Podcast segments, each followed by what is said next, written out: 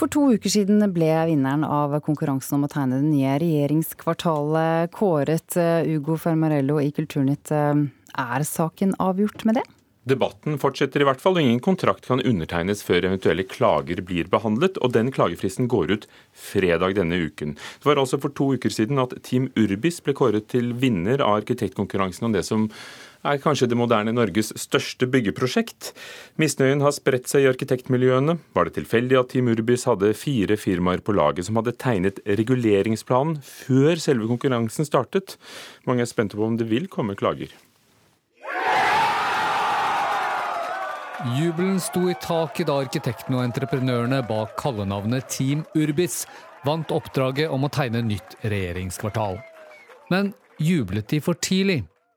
Fredag denne uken går klagefristen ut, og i arkitektkretser brukes det nå ord som urettferdig og konkurransefortrinn om vinneren. Arkitektmiljøet i Norge er lite, og at uh, spørsmål om habilitet veldig ofte kommer opp i forbindelse med konkurranser om oppdrag. Det sier professor i urbanisme og tidligere rektor for Arkitekthøgskolen, Carl Otto Ellefsen. Flere NRK har snakket med, mener nemlig at Team Urbis selv var med på å legge premissene for en konkurranse de selv skulle delta i. For hele fire firmaer på laget jobbet med reguleringsplanen til regjeringskvartalet før arkitektkonkurransen startet. Til sammenligning var det kun ett firma blant de seks taperlagene som gjorde det samme. Når man lager en reguleringsplan, så gir man helt konkrete føringer for den konkurransen som skal gjennomføres. Og det er vel det problematiske i denne saken. Statsbygg er slett ikke enig i at Team Urbis har hatt noen fordeler. I konkurranser hvor en eller flere deltakere kan ha kunnskap om oppgaven som ikke alle har, er det Statsbyggs plikt å utligne en eventuell fordel. Skriver kommunikasjonsleder for regjeringskvartalet Pål Veiby i en e-post til NRK. Dette kan gjøres på flere måter, gjennom å gi alle deltakere tilgang på utfyllende materiale, gi alle tilstrekkelig tid til å sette seg inn i det, utforme konkurransegrunnlaget på en slik måte at den eventuelle fordelen ikke har noen betydning, osv. Veiby sier at alt dette ble gjort i konkurransen om nye regjeringskvartalet. Det er jo allikevel ikke en idealsituasjon at noen har vært med på forhånd som skal være med ettertid. Fordi det alltid vil være en mistanke om at de har fått en fordel. Sier professor Lasse Simonsen ved Universitetet i Oslo, som har offentlige anskaffelser som et av sine spesialfelt. Han uttaler seg på generelt grunnlag, men gir Statsbygg rett i at Team Urbis ikke automatisk kan utestenges fra konkurransen fordi de har laget reguleringsplanen. Spørsmålet i denne saken er derfor om Statsbygg har gjort tilstrekkelige tiltak for å utligne fordelen Team Urbis eventuelt har hatt. Regelverket sier at eh, man kan ikke engasjere noen som man har brukt tidligere, dersom de får en fordel som utelukker konkurranse. Og det skal ganske mye til. Sier professor Lasse Simonsen ved Universitetet i Oslo. Vår reporter var Petter Sommer, og klagefristen går altså ut på fredag. Statsbygg kan ikke tegne kontrakt med vinneren av arkitektkonkurransen før eventuelle klager er da behandlet. Agnes Moxnes, kulturkommentator her i NRK. Har det vært urent trav i konkurransen om å tegne et nytt regjeringskvartal? Eh, normalt så er det jo sånn at hvis en, et arkitektkontor er med på en, eh, en, reguleringsplan og lager en reguleringsplan, eh, så kan de ikke være med i den videre konkurransen. Statsbygg har valgt en annen form. Eh, og det betyr jo at eh, både arkitektene i Team Urbis, altså de som vant eh, tegnekonkurransen om et nytt regjeringskvartal, men ikke bare arkitektene, men også ingeniørene i teamet, arealplanleggerne, landskapsarkitektene og bygningsvernet har vært med på å gi stats, Statsbygg råd den gangen da reguleringsplanen ble laget. Og Det er på ingen måte lovstridig, men da kreves, vi, sånn, kreves det, som vi hørte her, at man virkelig holder tunga rett i munnen i prosessen videre. Og som vi hørte, Statsbygg virker trygge på at de har sitt på det tørre. Hva må en klager eventuelt bevise? De må bevise at Team Urbis de, eh, har hatt fordeler av at de har jobbet med reguleringsplanen. Og det vil selvfølgelig Statsbygg helt avvise. De mener bestemt at de her har fulgt loven eh, til punkt og, og prikke. Arkitekter er jo vant til denne formen å få oppdrag på, altså konkurrere om det. Men, men det er ganske uvanlig at de klager i etterkant. Vil det kunne skje nå? Det er vanskelig å si, for det er i tilfelle en veldig krevende oppgave. Selvfølgelig rent juridisk, men det kan jo også være med på å klage å skaffe klagerne et dårlig rykte hvis de gjør det, eh, for fremtidige saker. Men det er en stor sak, dette her. Det er snakk om oppdrag eh, her til et tosifret milliardbeløp. I tillegg så er det jo stor prestisje å tegne et regjeringskvartal. Samtidig så er det et prinsipielt spørsmål her. Hva slags konkurranseformer skal man ha for å unngå å komme i situasjoner som vi faktisk er i nå, hvor man plutselig begynner å mistenke både kolleger og store oppdragsgivere? Hva vil det bety da for Statsbygg, som skal administrere denne oppføringen av dette kjempemessige regjeringskvartalet, hvis eh, en eller flere av de, av de kjente deltakerne klager? Ja, Hvis de gjør det, så vil det i tilfelle bli opplagt ubehagelig for eh, Statsbygg. Eh, hvis det skjer, så kan det selvfølgelig ende med en rask avvisning av klagen. Eh, det kan føre til mulige erstatningssaker og i ytterste konsekvens til at vinnerforslaget diskes. Dessuten at tidsplanen for et nytt regjeringskvartal, som etter planen skal stå ferdig i 2027, kan ryke. Fristen var satt til i dag, men nå er den utsatt til 13.10. Hvorfor? Eh, det vet jeg ikke, men eh, det kan jo bety at Statsbygg har fått signaler om eh, at det kan være klager i vente. Det får vi vite i løpet av den uka som kommer nå. Og for den som trenger å minnes på hvordan dette forslaget og de andre forslagene ser ut, så er det bare å se på nrk.no hvor denne saken er, ligger. Takk skal du ha, Agnes Moxnes, kulturkommentator. Vi skal til Hollywood. Vi har hørt i løpet av Nyhetsmorgen om en av USAs filmindustris kjemper som har falt i unåde.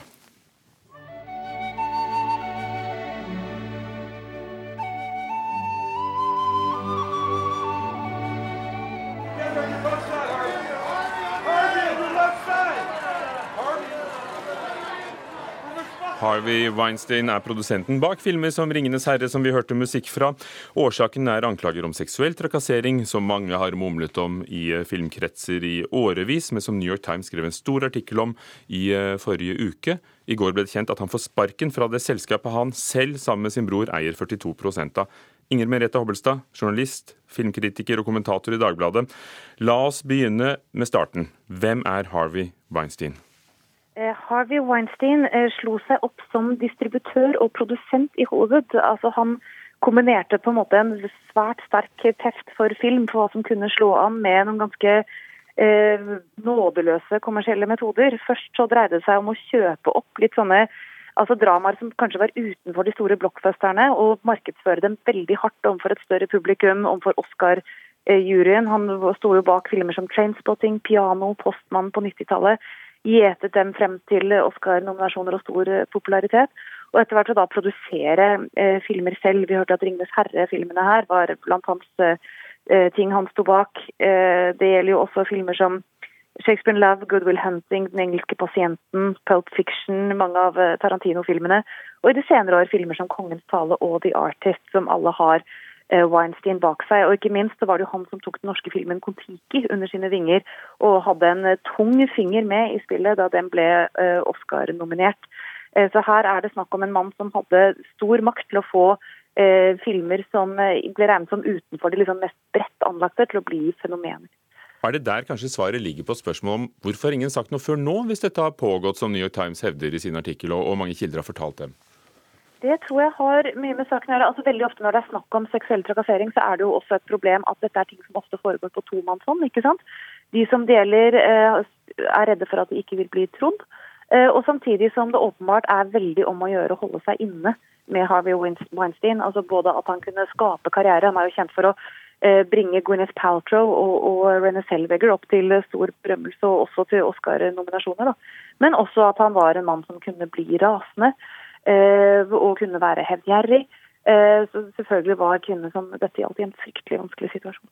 Altså Han innrømmet først uh, sist torsdag da den første artikkelen kom at han hadde forårsaket mye smerte, så trakk store deler av styret seg, og nå har han altså fått sparken. Men hva er det anklagene går ut på? De går ut på at han i over en periode på nesten 30 år har Eh, kommet med svært uh, lite hyggelige seksuelle fremstøt overfor unge kvinnelige skuespillere og arbeidere i filmbransjen. Kanskje gjerne mens de var i begynnelsen av 20-årene. Uh, det går på at de gangene han satte opp møte med dem, så skjedde det gjerne på hans egne, egne hotellsuiter. hvor han inviterte dem opp, tok imot dem i slåbrok, eh, ba dem om å gi massasje osv. Og, og til dels eh, kom med beføl dem, kom med eh, iblant helt direkte eh, forslag om at han kunne eh, gjøre store ting for karrieren deres hvis de ville da ta imot disse seksuelle eh, tilnærmelsene. Eh, og hvor da noen av dem har eh, gått til sak eller sagt at de ville gjøre det. Og da denne styrtrike mannen har vært i stand til å inngå et ganske dyre forlik, altså som det åpenbart virket sikkert risikabelt eh, å si nei til. Tror du karrieren til Harvey Weinstein, en av de råeste produsentene og markedsførerne som du var inne på, er over? Du, jeg syns det er vanskelig å si. Jeg, er en, han er jo den siste i en serie Eh, av mektige menn som faller på denne måten i Hollywood. og På, på mange måter er det et fryktelig godt tegn. altså Var det Roger Ailes på Fox News og, og Bill O'Reilly som er den siste. En forskjell her er jo at eh, Roger Ailes og Bill O'Reilly har vært sånne eh, kjemper innenfor det konservative partiet. Eh, Harvey Weinstein var kjent for å være en sterk nok, en sterk forkjemper for liberale eh, verdier og liberale politikere. Han har donert enorme summer til progressive eh, politikere på den demokratiske siden. Mange av dem har nå sendt tilbake Eh, summen han har sendt dem, eller sagt at de vil donere dem til, eh, til eh, saker som kjemper for kvinners rettigheter. Vi får se, Inger Merete Hobbelstad, da. Ja. I øyeblikket ser det ut som innflytelsen hans daler med den. Takk skal du ha for at du kommenterte Harvey Weinsteins, som hadde fått fyken, kommentator i Dagbladet, Inger Merete Hobbelstad. Fra film til teater. Hva, hva er det dere driver med? Vi lever under jorda! Ja, leiter etter gull! Ja, det er i alle fall det folk tror. Men sanninga er at vi er sett til å ta ansvar for det Dette er Snøhvits første møte med dvergene. Det gamle eventyret av brødrene Grim, Snehvit og de syv dvergene, er blitt ny musikal på Det Norske Teatret av en av Norges mest spilte dramatikere for tiden, Maria Tryti Vennerød og komponist Julian Skar. Karin Frøsland Nystøyl, NRKs teaterkritiker. Trenger det gamle eventyret eh, en ny versjon? Eh, ja, det syns jeg. I hvert fall når det er den versjonen som Maria Tryte i Vennerød står bak, og som vi får på Det Norske Teatret nå eh, utover i, når høstmørket kommer. Altså, Fortellinga om Snehvit er jo brutal. Vi, vi, snakker om ei stemor som vil drepe stedattera si, og, og ei heltinne som egentlig tar få egne valg i utgangspunktet. Mens her, i denne versjonen, så er kongen borte. Eh, prinsen er blitt til en gartnergutt, dvergene er blitt til, kloak, til kloakkarbeidere, og stemor er viktigst av alt blitt Snøhvit si mor. Så plutselig så er det en helt annen relasjon inne, en tett tett og nær relasjon som, som kan rive godt uh, i denne forestillinga her. Uh, og det er ganske eksplosivt materiale når mor vil skape Snøhvit i sitt bilde. Uh, men hovedbudskapet i denne forestillinga, det, det, er vel egentlig det at ingen er bare snill, ingen er bare slem, sånn som vi er vant til å høre fra nettopp dette eventyret. Og det sier gartnergutten Jan Grønn ganske fint i, i denne forestillinga.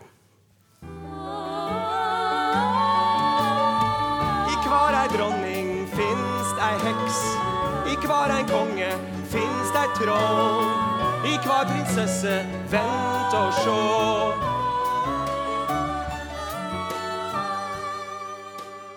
Finst ei jente som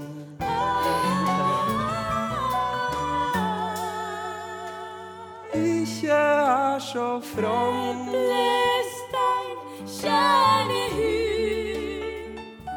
I hver en dronning fins en heks. Herman Savado som spiller gartnergutten Jan Grønn i 'Snøhvit'. Karin Frøsland Nystøyl, er det en forestilling som eh, ønsker å gjøre noe med hvordan vi oppfatter Snøhvit? Ja, det, det håper og tror jeg. Altså, I hvert fall så klarer denne forestillinga å skitne til denne Disney-prinsessekjolen litt, sjøl om dette er et helt eget visuelt uh, univers.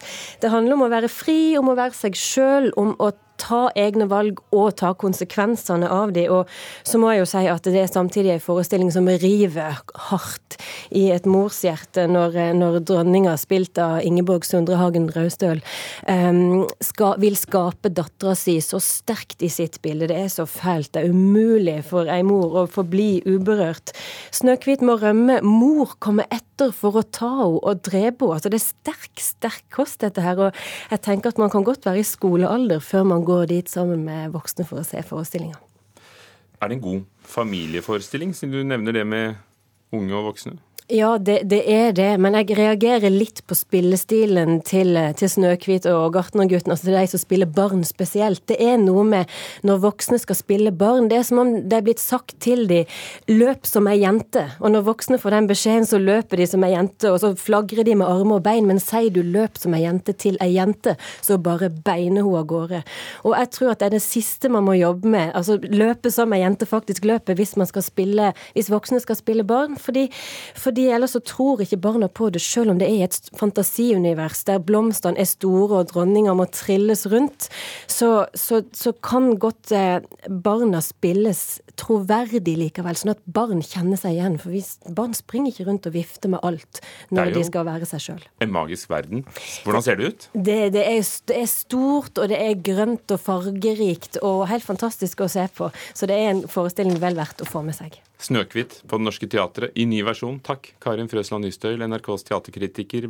Dette er Nyhetsmorgen. Klokken er straks halv ni, Dagrid. Ja, og etter Dagsnytt så skal vi høre at sluttfasen av offensiven mot byen Raqqa i Syria startet i går kveld, ifølge en kommandant. Om noen minutter skal vi snakke med vår Midtøsten-korrespondent. Kristin Solberg heter hun.